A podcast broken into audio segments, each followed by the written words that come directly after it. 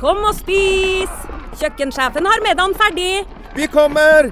Vi skal bare Åh, det er da så morsomt her på Stiklestad! Ja, men sjøl en god viking må ha både mat og hvile. Og dessuten kan dere nå være noen dager. Velkommen til Scandic Stiklestad. Moderne fasiliteter i historiske omgivelser. Det var her det skjedde.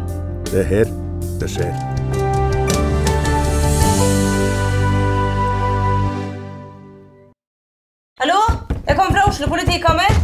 Ine Jansen er purk. Er du purk? The motherfucking bitch. Alt jeg vil, er å finne ut hva som skjedde med mannen min. Jon Carew. Er jeg sikta for noe? Iben Akeli. Det er du. Ole So, Lars Berrum og Big Daddy Karsten. Hvem sin side er du på, egentlig? Anette Hoff, Tone Danielsen, Kommer du fra Afrika? Jørnis Josef, Nesten. Kløfta. Trond Espen Seim, Det er synd å si det, men det var feil mann som døde. Purk. Premiere tirsdag på TV2 Play.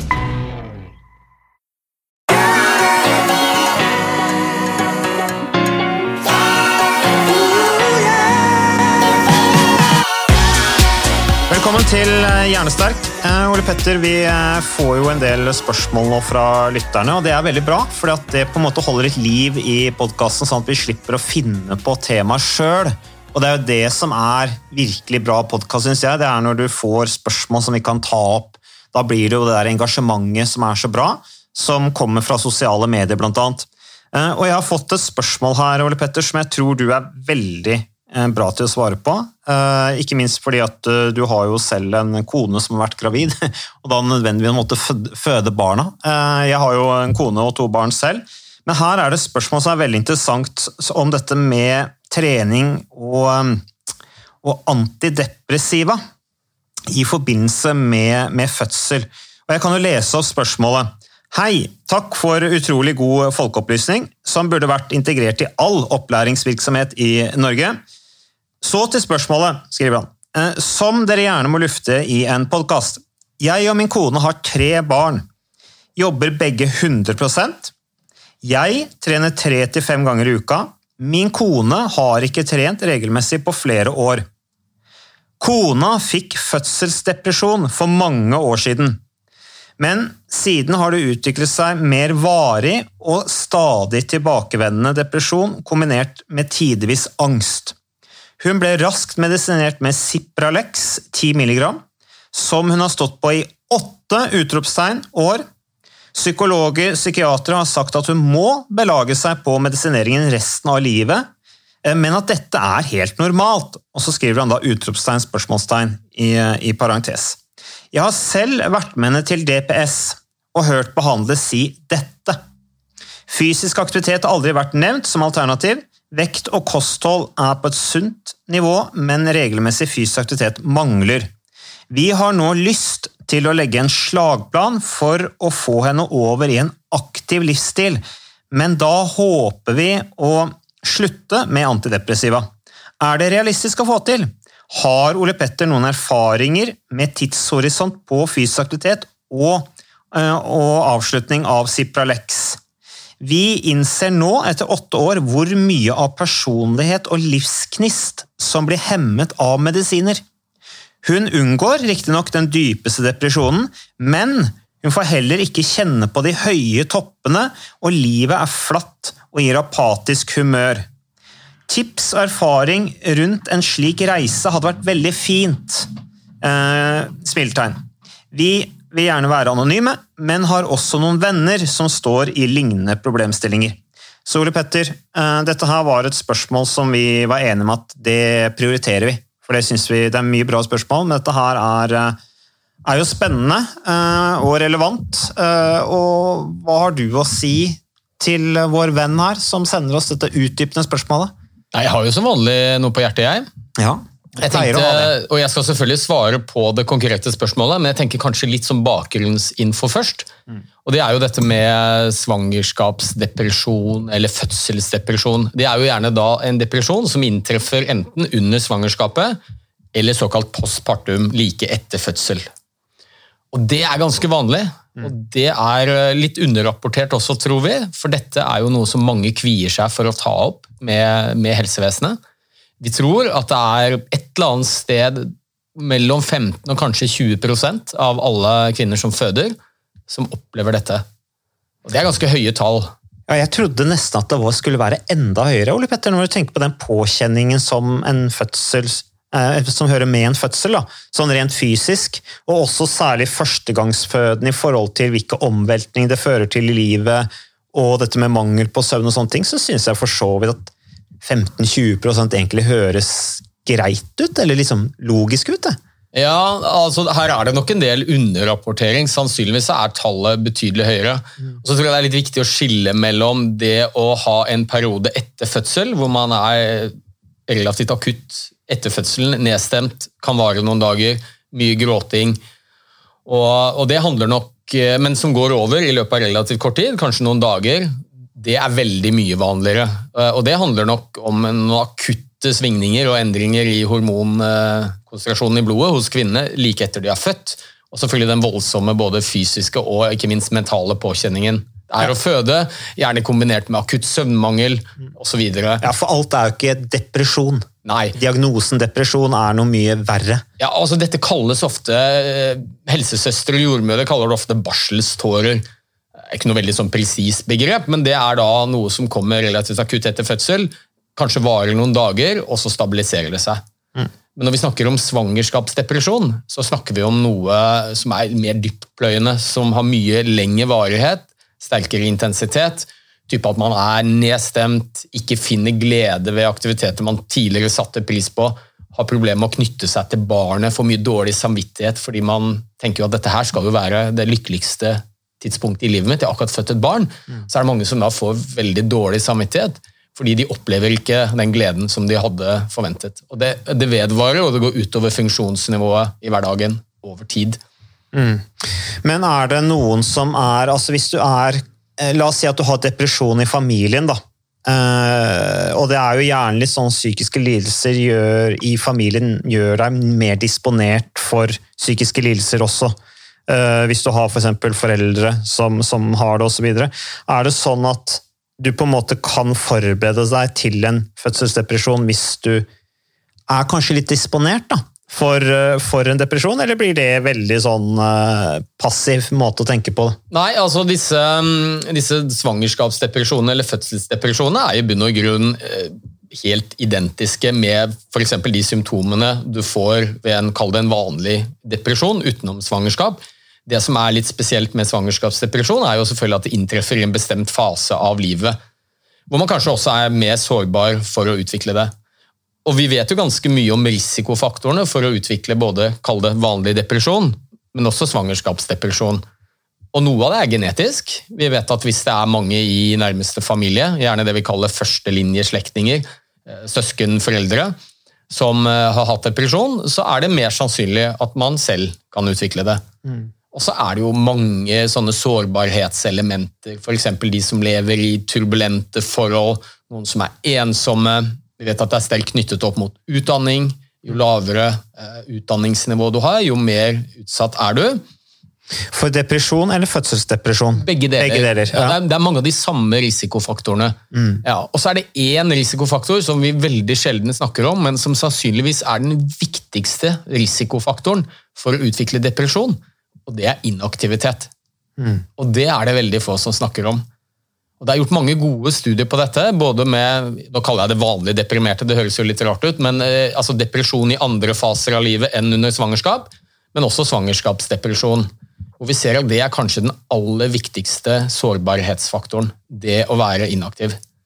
Og Basert på store studier som er gjort annet oppe i Trondheim, i det som kalles Hunt-studien, hvor man har fulgt titusenvis av i utgangspunktet friske mennesker over, over flere år, over ti år, og så ser man hvem som utvikler depresjon og hvem som ikke gjør det, så er inaktivitet den viktigste risikofaktoren. Og vi tror at så mye som 12-15% av alle depresjoner i Norge kunne vært unngått ved fysisk aktivitet alene. Og da snakker vi om så lite som en treningsøkt i uka. Så dette er sannsynligvis den ene enkeltstående risikofaktoren som vi i størst grad kan påvirke selv. Nemlig å bevege oss.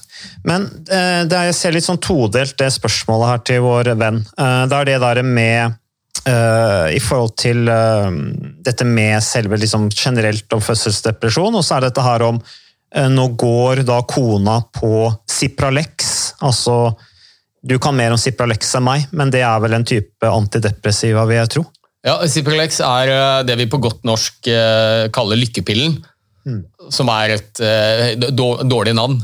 Selvfølgelig fordi det, mange pasienter får jo et, en forventning om at tar du denne pillen, så kommer ting virkelig å gå bra. Mm. Det heter selektiv serotonin-reopptakshemmer på fagspråket. Men det er de vanligste typene antidepressiva vi gir i Norge i dag. Mm. Og det er jo selvfølgelig for å behandle depresjon. Både svangerskapsdepresjon og annen type depresjon. Men hovedpoenget mitt var i alle fall at ved å være i regelmessig aktivitet før du blir gravid og under svangerskapet, så kan du betydelig redusere risikoen din for å oppleve svangerskapsdepresjon. Mm, Så det er jo tips til folk som er gravide. Det er å faktisk mosjonere. Fortsette å mosjonere. Og det er jo litt spennende, fordi at jeg vil jo tro fra gammelt av så er det en sånn derre eh, feil tolkning av det å være gravid, at da skal du holde deg i ro. Eh, og det tror jeg har vært ganske langt oppe i vår tid, eh, at det er liksom en anbefaling at man skal holde seg i ro. Eh, og jeg vil jo også anta at det er en del leger som anbefaler gravide og holde seg i ro, men så har det heldigvis begynt å snu litt, og det har vært eksempler sant, på tidligere idrettsutøvere som har fortsatt å trene i graviditeten og så videre, og holder seg kjempespreke. Uh, og, og, men, men så er det mange som opplever plager, da, fysiske plager, og så slutter de å mosjonere. Kanskje de har en relativt aktiv livsstil, og så blir de inaktive, og så kommer de egentlig også inn i fødselen i dårligere form enn noen gang. Og da blir du jo, tenker jeg, også da mye mer sårbar overfor psykiske lidelser. Hvis du i tillegg er i veldig altså Noe dårlig fysisk form er man jo når man, når man skal føde, selvfølgelig. Eh, Men hvis du er i veldig dårlig fysisk form fordi at du har valgt bort fysisk trening fordi at du enten har vondt, så det er mer smertefullt enn du orker, eller fordi at man tenker at det er eh, risikofylt, eller hva det måtte være, så er det jo enda mindre robust da, overfor psykiske lidelser når du føder, eller et, rett etter fødsel. Ja, utvilsomt. Og det, er jo sånn at Vi anbefaler jo fysisk aktivitet for alle, uavhengig av hvilken livsfase man er i. Alt fra små barn sant, med lek i barnehage og skole videre, til godt voksne, gravide og eldre. Så Det er jo felles for hele befolkningen. Men jeg pleier å si at er det kanskje én fase i livet hvor du vil ha aller størst gevinst av den fysiske aktiviteten, så er det i forbindelse med svangerskap. Mm. Dette er nok også litt underkommunisert, fordi vi vet jo i store befolkningsstudier at rundt 25% av den generelle befolkningen, når vi ser på alle voksne, de er inaktive. Altså De oppfølger ikke myndighetenes anbefaling om 150 minutter i uka. Men de som er gravide, er jo den gruppen som beveger seg kanskje aller minst av voksne. For da er det bare 15% som oppfyller anbefalingene. Og Der tror jeg vi i helsevesenet vi er ikke gode nok til å, å gi anbefalinger og råd rundt dette. Og Jeg møter jo mange av disse kvinnene, og de blir nesten litt sånn overrasket når jeg sier at men det er jo nå er kanskje det tidspunktet i livet ditt hvor det er aller viktigst, ikke bare for deg, men for det ufødte barnet ditt, at du er i regelmessig bevegelse. Men hvorfor tenker de at de ikke skal bevege seg, eller hvorfor ikke mosjonere, fysisk treningbruk, hva uttrykk du vil? Hvorfor tenker de at de ikke skal gjøre det når de er gravide? Ja, det er jo et godt spørsmål. Jeg har ikke noe fasitsvar på det, men vi må jo huske at 25 av eh, befolkningen eller altså fem, unnskyld, 75% det sa jeg vel feil i sted, 75 av befolkningen er jo eh, inaktive generelt sett. Og akkurat når det gjelder gravide, så er det rundt 85% som er inaktive. Så det er jo en sånn generell trend. Men jeg tror nok det henger litt igjen fra det du har sagt tidligere, at man eh, skal være forsiktig når man er gravid. Og, og det er selvfølgelig noen typer aktiviteter man bør holde seg unna. Kampsport og fallskjermhopping og ting hvor det er risikabelt hvor fosteret kan bli skadet. Men så er det nok en del som har anbefalt det at man skal ta det litt med ro. Men, eh, og det, men da må vi huske på at det som har endret seg, hvis du går bare 10-20-30 år tilbake i tid, er jo at de aller fleste hadde mye mer hverdagsaktivitet. Mm. sant? Eh, Det det er jo gjerne det som har gått ned i befolkningen. Folk trener like mye som før, men vi beveger oss mindre i hverdagen. Og veldig mange av de som blir gravide, de har jo vanlige jobber, de sitter bak en pult. De aller, aller fleste. Eh, og, og så tror jeg det er nok det er noen, og jeg har fått en del pasienter som har sagt det at ja, jeg kjenner jo godt til disse anbefalingene om fysisk aktivitet, men jeg trodde ikke det gjaldt mens jeg var gravid. Nei. Jo, i aller høyeste grad. Eh, vi- Vi sitter jo nå i Helsedirektoratet. Jeg sitter i en gruppe der hvor vi lager anbefalinger for fysisk aktivitet for alle livsfaser gjennom livet. Og Der sitter jeg i en komité eh, hvor vi snakker om fysisk aktivitet for gravide. Og Der er det de samme anbefalingene. 150 minutter i uka, sånn at du blir sliten. Og gjerne litt styrketrening i tillegg. Det er klart Utfordringen for mange er jo at eh, det med aktivitet kan bli litt mer trøblete når du er gravid. Mange er plaget med svangerskapskvalme, muskel-skjelettvondter, bekkenløsning osv. Da blir jo gjerne dørstokkmila enda lenger. Ja, så er man jo tyngre. Det er også. Det er jo tyngre å bevege ja. seg, sånn at du løper jo ikke like lett som før, eller du sykler ikke lett som før, eller hva det måtte være. Alt er jo tyngre, så du er jo nødvendigvis mer sliten. Men da igjen, mosjonen gir jo energi, og dette med blodsirkulasjon og sånne ting i forhold til vondter du får både her og der, det vil jo være positivt med mosjonen og fysiske treninga, ved antall. det er jo ganske mye du kan gjøre. Vi snakker om ting du ikke kan gjøre, som er ganske opplagt. Men det er jo en del ting du kan gjøre også. Eksempel spinning, da.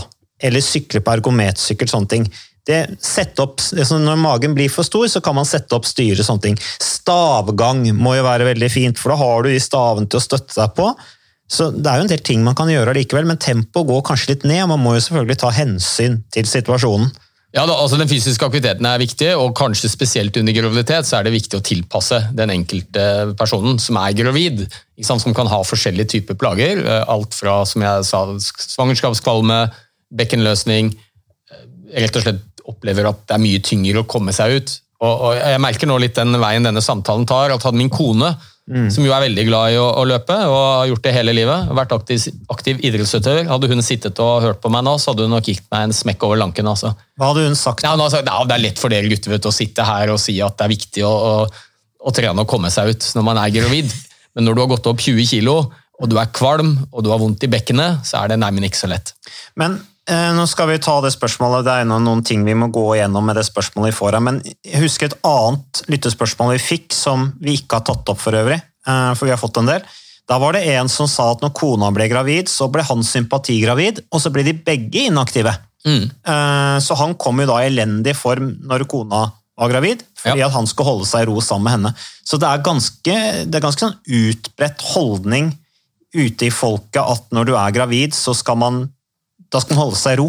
Ja. Eh, og det, jeg lurer på om det stammer tilbake sånn rent historisk, jeg, at, man, at det var veldig det var mange som, eh, som spontanaborterte ikke sant? og sånne ting i gamle dager, og at de kanskje derfor har det liksom hengt igjen fra gamle dager at man skulle være veldig forsiktig. Jeg vet ikke. Ja da, Det var jo en helt annen type spedbarnsdødelighet. Går du bare 100 år tilbake i tid, i Norge også. Så, og Det er jo helt naturlig at når man blir gravid, så er det, har man en bekymring om at dette faktisk kan gå galt. og Det gjør det jo hos noen også.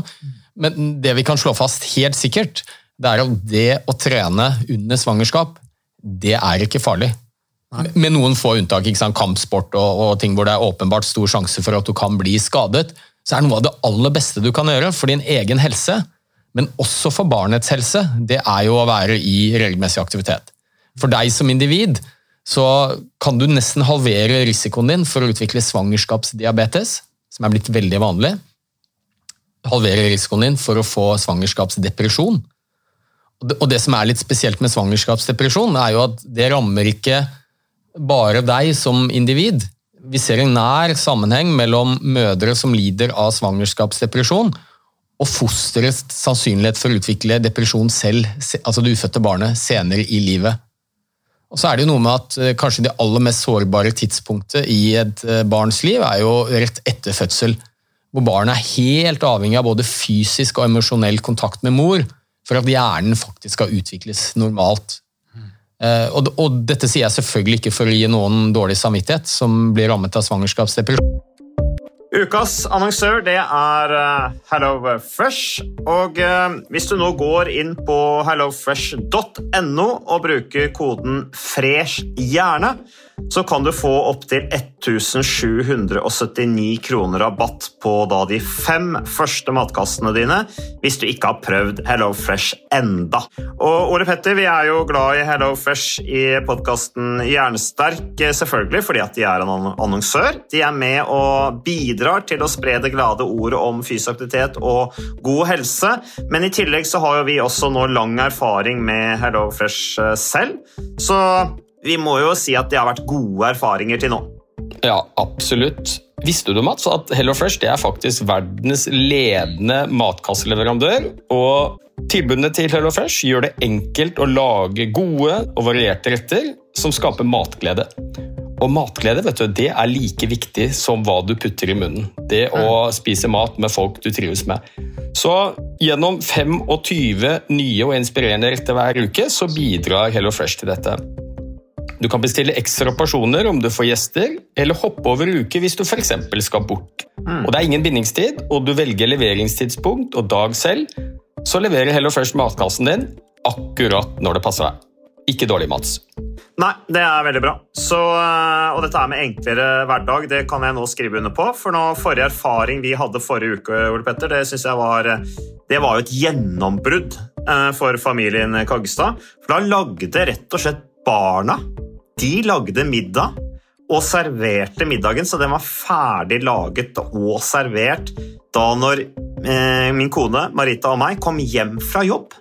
Og jeg mener Det var jo bare helt utrolig. Eh, det var helt fantastisk. Det ble en nydelig middag. Riktignok de, de, de, de roter og søler litt, det gjør de. Så, men, men, maten ble veldig god. De var veldig stolte over å kunne å ha både laget og servert maten, så det var helt fantastisk. Så vi har jo da i det siste så har vi eh, spist eh, bl.a.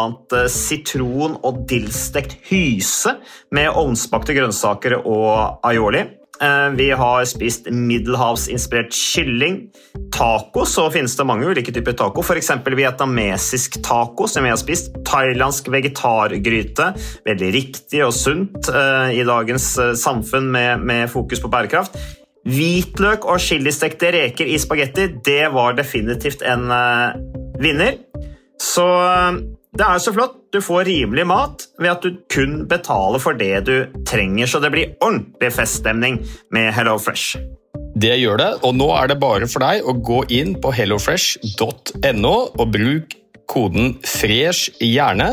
Da får du opptil 1779 kroner rabatt på de første fem matkassene dine hvis du ikke allerede har prøvd HelloFresh. Du kan også bruke rabattkoden hvis du har stoppet abonnementet ditt for tolv måneder siden eller mer.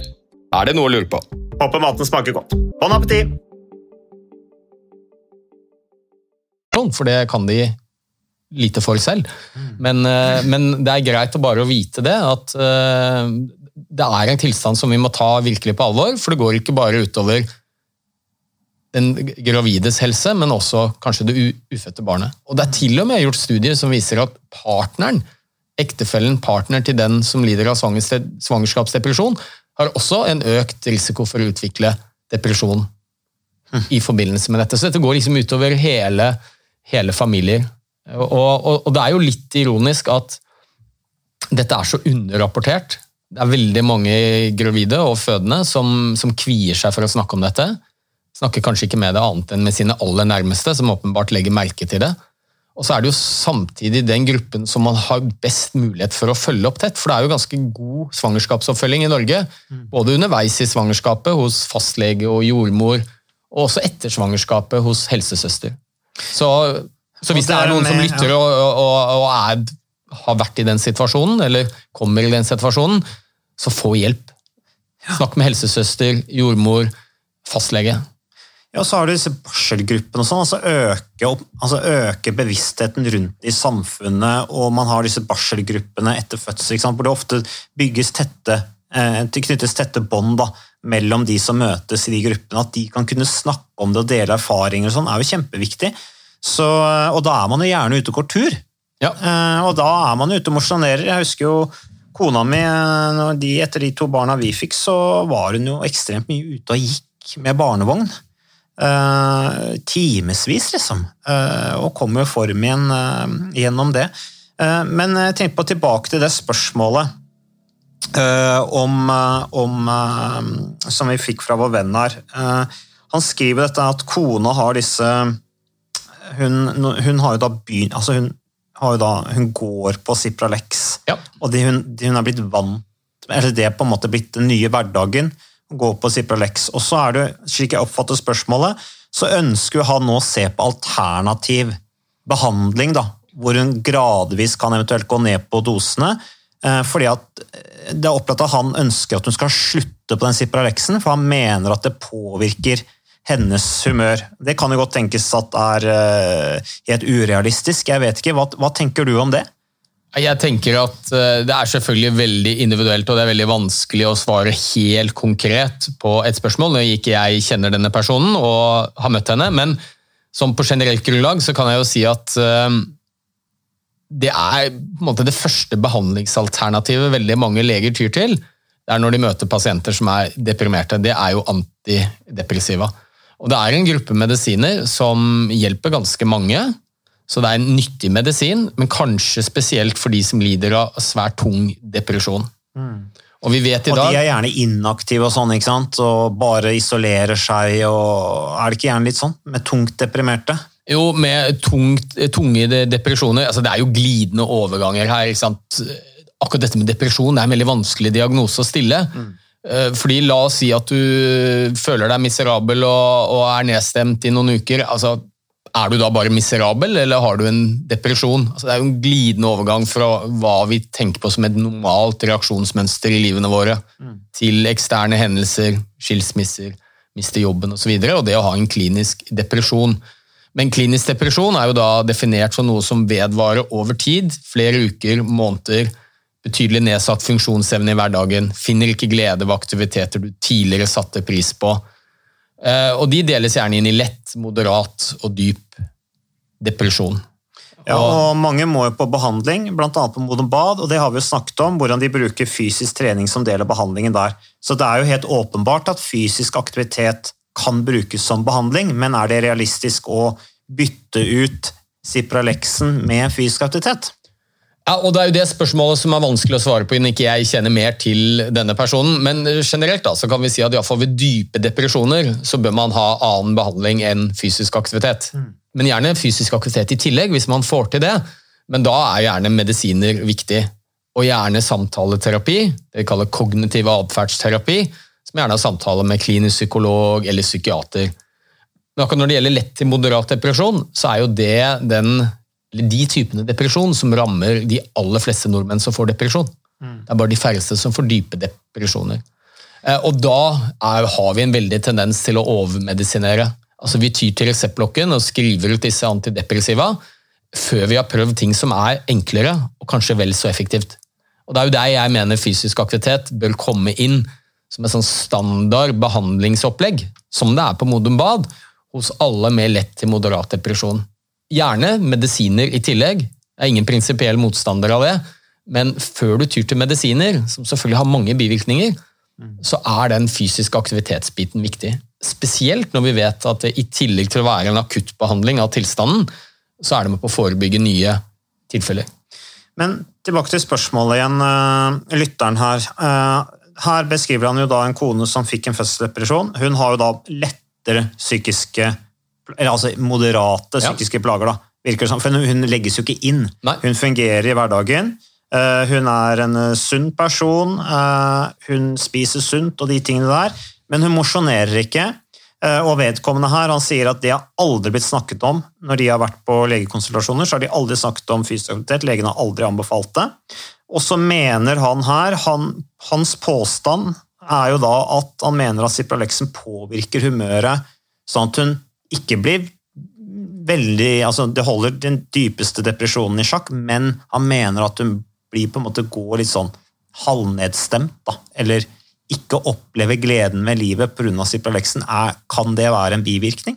Ja, Det er en ganske mange pasienter som, som snakker om det at de føler seg litt sånn avflatet når de står på disse antidepressiva. At de, de blir en litt sånn tam, tam versjon av, av seg selv. Så det, det er en av bivirkningene vi kjenner til. Og I tillegg så er det jo en del som får problemer med munntørrhet, noen går opp i vekt, vektøkning er ikke helt ubetydelig, og så er det en del, det er kanskje spesielt menn, da, som opplever seksuelle problemer, både mindre lyst og mindre evne når de står på disse medisinene. Så, de har ganske mange bivirkninger. For å svare konkret, hvis eh, dette hadde vært en av mine pasienter som hadde et ønske om å kutte bort eh, antidepressiva, altså det må man jo ha et ønske om selv Mm. hvis, man, hvis man skal komme til mål på det, så ville jo jeg gjort det jeg kunne for å hjelpe henne og motivere henne til å komme i gang med bevegelse. Altså ikke bruke ordet trening engang. Det er klart Når du er deprimert, du er kanskje ikke vant til å trene, så er det ikke tights og intervaller som står i hodet på deg. Så her må man bare starte utrolig enkelt med et opplegg som man lager sammen med personen. Spør litt om det er noen aktiviteter de trives med. Starte utrolig forsiktig. Gå seg en tur, komme seg ut, om det er sykle, svømme, danse altså Det spiller ingen rolle hva det er for noe, så lenge du får opp pulsen litt.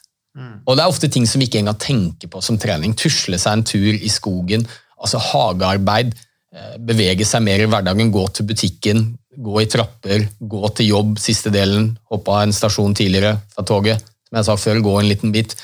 Starte med det, og så prøve gradvis å trappe ned på medisinene. Selvfølgelig i samråd med fastlege. Eller eventuelt psykiatere, Nå vet ikke jeg hvem som har skrevet ut dette, men at det er et samarbeid med den som er primærkontakten i helsevesenet. For det vi ser, er jo at fysisk aktivitet gjør veldig mye av det samme som antidepressiva. Det gjør noe med denne balans, eller ubalansen som mange har i en del av hjernen, bl.a. med et kjemisk stoff som heter serotonin. Det er det mange deprimerte som har for lite av, og det øker når vi trener. Og det øker også med disse medisinene. Så jeg veldig gradvis over tid prøvd å, å trappe forsiktig ned på medisinene, samtidig som man ser om man klarer å øke treningsmengden.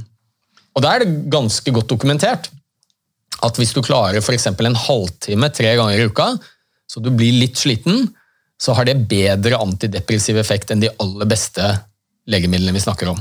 Disse lykkepillene. Halvtime tre ganger i uka. Så Ja. du blir litt uh, sli... Altså, ja, du får tatt i litt. Ja, og det er jo ganske utrolig, og jeg har jo opplevd akkurat det samme som denne ektemannen sier, at når man henviser pasienter, jeg gjør jo det, til disse DPS, som er distriktspsykiatriske avdelinger, da, på, gjerne på sykehusene rundt om i landet, så får jeg rapporter tilbake om hva DPS har gjort, sammen og med pasienten. Og, og jeg tror ikke jeg kan huske én eneste gang hvor jeg har fått tilbake at det å være i regelmessig fysisk aktivitet har vært en del av behandlingsopplegget. Nei. Og det er Ganske utrolig. Ja, det er ganske utrolig når, når det er så godt dokumentert også. Og i tillegg til den effekten det har på depresjon, så har det jo en haug med andre helsegevinster i tillegg. Muskel-skjelettsystem, hjerte, hjernens funksjon med oppmerksomhet og konsentrasjon og redusert risiko for en haug med andre sykdommer. Og Det er er derfor jeg pleier å si at hadde fysisk aktivitet vært en pille, så ville vi tatt den alle sammen. Ja, også eh, overfor psykiske lidelser. Og igjen så er det et spørsmål da, dette spørsmålet vi har tatt opp her nå, det er jo da en ektemann, sånn som når vi hadde Ingeborg Senneset eh, på besøk på podkasten, og vi snakket om dette med anoreksi, da var det jo også en ektemann som var opptatt av sin kones ve og vel, eh, omsorg for sin kone. Eh, vi opplever jo nok en gang det i det spørsmålet her, så det, kunne jo, det vi kan anbefale han er vel egentlig å kanskje motivere kona si til eller invitere kona med ut og gå en tur. Ville ikke det vært en fin start? Jo da, det, det er helt supert, men jeg vet jo også av egen erfaring at det å, å være, ha flere hatter på, ikke sant? være ektemann og samtidig skal prøve å være Coach. ja, og behandler, kall, kall det det, da, i anførselstegn, det er en fryktelig vanskelig balansegang. Og det er jo helt supert hvis han klarer å få med seg kona si ut og bevege seg, men jeg vil jo sterkt anbefale at man eh, får hjelp i helsevesenet, finner noen som faktisk er litt opptatt av dette med fysisk aktivitet også, og får litt hjelp til å sette i gang. Men hvor kan han henvende seg da? Fordi at han har jo vært flere steder, og fysisk aktivitet har jo aldri blitt nevnt. Nei, og det er, det er jo litt av det som er problemet. Da, at vi leger, Det er ikke så veldig mange leger som er veldig opptatt av eh, fysisk aktivitet som et verktøy i medisinkassa si, for å si det sånn. Det handler jo bl.a. om at vi ikke har lært noe særlig om det. Men det begynner å komme. De legene som utdannes i dag, og som er relativt ferske, de har hatt mye mer om dette. I studiet er generelt veldig mye mer åpne for å bruke fysisk aktivitet som behandling. Okay, så det kommer en generasjon nå som du mener er mer bevisste? Ja, det er utvilsomt. Og, og jeg tenker jo at uh, hvis man har en fastlege som ikke har noen forståelse eller eh, støtter en i dette her, men som sier at nei, du må fortsette på disse medisinene resten av livet, så ville jeg stilt noen spørsmålstegn og kanskje prøvd å få en såkalt second opinion, gå til en annen lege, kanskje bytte fastlege til og med. Her er det mye ikke jeg vet, så jeg skal ikke kategorisk si at uh, legene her har gjort en dårlig jobb. Nei. Uh, på noen som helst måte, men, men, å si til noen at dette er medisiner du må stå på resten av livet, tenker jeg er litt spesielt. Iallfall når det er tydelig at man opplever bivirkninger. Så her vil jeg jo absolutt anbefale at man får noen til å følge det opp. Mm. Få hjelp. Det finnes leger der ute som er opptatt av fysisk aktivitet. Modum Bad er jo et veldig godt eksempel. Så hvis din egen fastlege, eller denne damens eh, fastlege, ikke støtter dette, så kan man i, i det minste be om en henvisning til steder som faktisk driver med dette. Mm. Hun her høres vel litt for frisk ut til å ha med ja, Bad. Men... Og det kan godt tenkes, men eh, det er flere som er opptatt av det. Mm. Også fastlegene, så her må man sjekke litt rundt. Og må gjerne sende meg meldinger også, hvis de ønsker det privat. Da vet ikke jeg hvor i landet de bor, Nei. men jeg har jo et litt nettverk jeg, og folk jeg kjenner som er opptatt av dette, så send gjerne en melding til meg, så skal jeg bidra og hjelpe dere. Det er eh, godt å høre, men eh, da vi, kan vi konkludere med følgende ut fra det spørsmålet vi fikk her eh, rundt dette med fødsel og fødselsdepresjon. Det er lurt å mosjonere når man er gravid, og trene fysisk når man er gravid. Ingen grunn til å slutte med det. Er man litt sånn disponert for psykisk lidelse i utgangspunktet og blir gravid, så er det enda en god grunn til å komme seg ut for å være best mulig rusta når du kommer i den fasen hvor du faktisk har født. Eh, prøve å mosjonere etter at man har født. Det er også lurt, men enkel form for mosjon som du faktisk kan gjennomføre, det har forebyggende effekt og lindrer også depresjon. Og så er det dette med, med medisinene, at vedkommende og kona da søker hjelp uh, for å se om det er en second opinion, som du sier, i forhold til dette å kunne gå ned på mengden medisin, og kanskje eh, kompensere det med fysisk aktivitet. Ja, og jeg kan jo si det at Fra min egen praksis så har jeg ganske mange eksempler her på pasienter som har kommet til meg, som har stått på antidepressiva i flere år, opplever bivirkninger, vil gjerne komme seg av medisinene, men er plaget med depresjon. Og, og eh, sånn On top of my head så har jeg iallfall en håndfull eksempler på pasienter som har klart å, å kutte bort helt disse medisinene har begynt å trene og bruker det som medisin, og har det i dag bedre med treningen uten medisinene, og scorer lavere på depresjonsskala spørsmål. Og, så det er absolutt mulig. Mm. Bare litt vanskelig å gi et konkret tips uten å kjenne situasjonen bedre. Men uh, jeg tenker at dersom man har et ønske om det, om man har såpass mye bivirkninger, så bør det være et mål. Og se om man klarer å kutte det bort. Gradvis øke mengden fysisk aktivitet, og se om man kan trappe ned på medisinene. Mm. Det, I tillegg så vil det, være, vil det, bli billigere for samfunnet. For det er jo samfunnet som må betale for disse, disse medisinene, for å være litt økonomisk kynisk. Men vi takker for det spørsmålet. Takk for uh, Vil du si noe mer? Ole? Ja, du, Jeg har lyst til å si en ting helt ja. på slutten. Ja. ja. Og, og, og, jeg har jo veldig stor forståelse for at uh, når man er gravid, så er det vanskeligere å komme seg i aktivitet. Det har jeg ingen problemer med, med å forstå. Og, og da tenker jeg det er litt viktig å understreke at all type bevegelse gjelder. Det er ikke sånn at du må drive med det du drev tidligere, med tidligere intervaller og Nei, Det kan du jo ikke. Nei, så Det må tilpasses, og mye av det vi ikke engang tenker på som trening, er utrolig bra, både for deg og, og fosteret.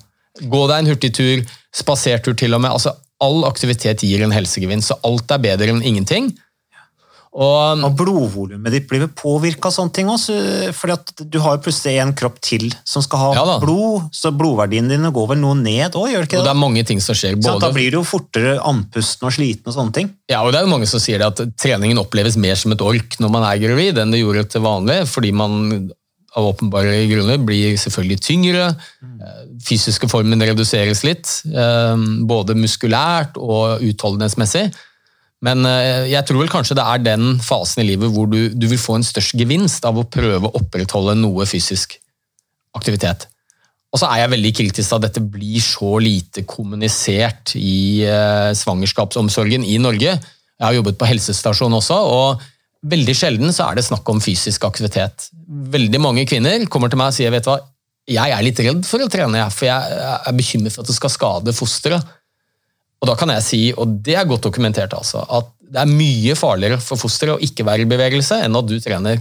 Og du kan trene knallhardt hvis du orker det og er motivert for det. Det er absolutt ikke farlig å trene.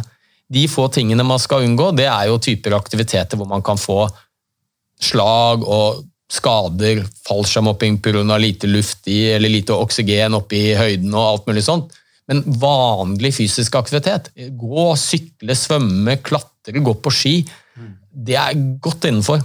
Ja, Og barnet elsker å være ute i aktivitet med sin mor i magen. Ja, ja, og, og, og jeg pleier å si litt sånn Det er litt ironisk at jeg opplever veldig mange kvinner som er veldig bekymret for hva som kan gå galt i svangerskapet.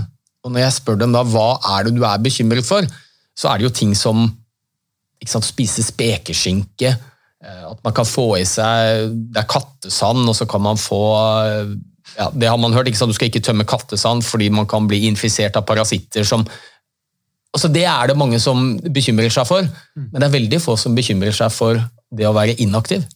Det er mye farligere. Mm. Så noe av det aller beste man kan gjøre, både for seg selv og fosteret, det er å bevege seg. Så mye som man orker. Og så må det tilpasses, selvfølgelig. Vi lar det være siste ord, Ole Petter. Tusen takk. Så kommer vi tilbake med mer Hjernesterk om ca. en uke.